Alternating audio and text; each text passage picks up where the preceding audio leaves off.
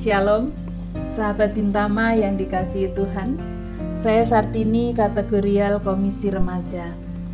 Kembali akan mengajak kita merenungkan tema Hiduplah sebagai orang yang telah dikuduskan. Firman Tuhan diambil dari 1 Korintus pasal 6 ayat 11b. Tetapi kamu telah memberi dirimu disucikan, kamu telah dikuduskan, kamu telah dibenarkan dalam nama Tuhan Yesus Kristus dan dalam roh Allah kita. Sahabat Bintama yang dikasihi Tuhan, dalam kehidupan bersama sebagai suatu persekutuan di dalam Kristus, tentu kita merindukan suatu persekutuan yang mewujud rasa keadilan, sehingga kedamaian dapat dirasakan bersama. Namun kerinduan itu tidak selah selalu dapat diwujudkan. Dalam konteks bacaan kita pagi ini, 1 Korintus pasal 6 ayat 1 sampai 11, kita menemukan upaya jemaat Korintus untuk mencari keadilan. Permasalahan yang dialami jemaat Korintus terjadi di kalangan intern umat Masalah intern seyogianya diselesaikan secara intern pula.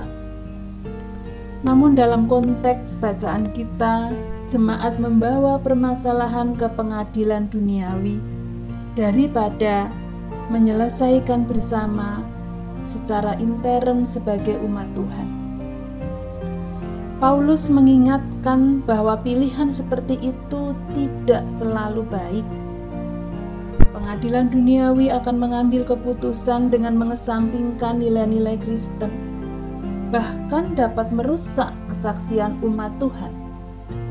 Ia juga menekankan bahwa bagaimanapun hukum kasih harus diingat dan dikedepankan dalam menyelesaikan berbagai permasalahan umat Tuhan. Sahabat Bintama yang dikasihi Tuhan, sebagai orang yang telah menerima anugerah Allah.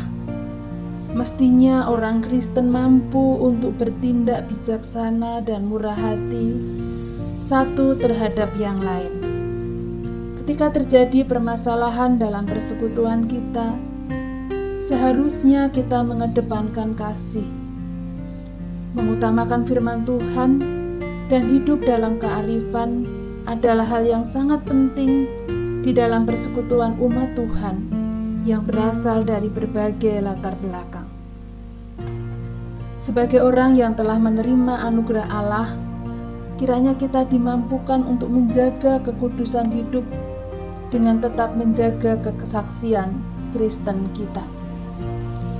Sebagai orang yang telah dikuduskan, marilah kita hidup arif dan bijaksana dalam menyelesaikan persoalan-persoalan intern persekutuan atau bergereja. Namun, kalaupun akhirnya kita mendapat ketidakadilan, mari kita tetap memilih hidup dalam takut akan Tuhan.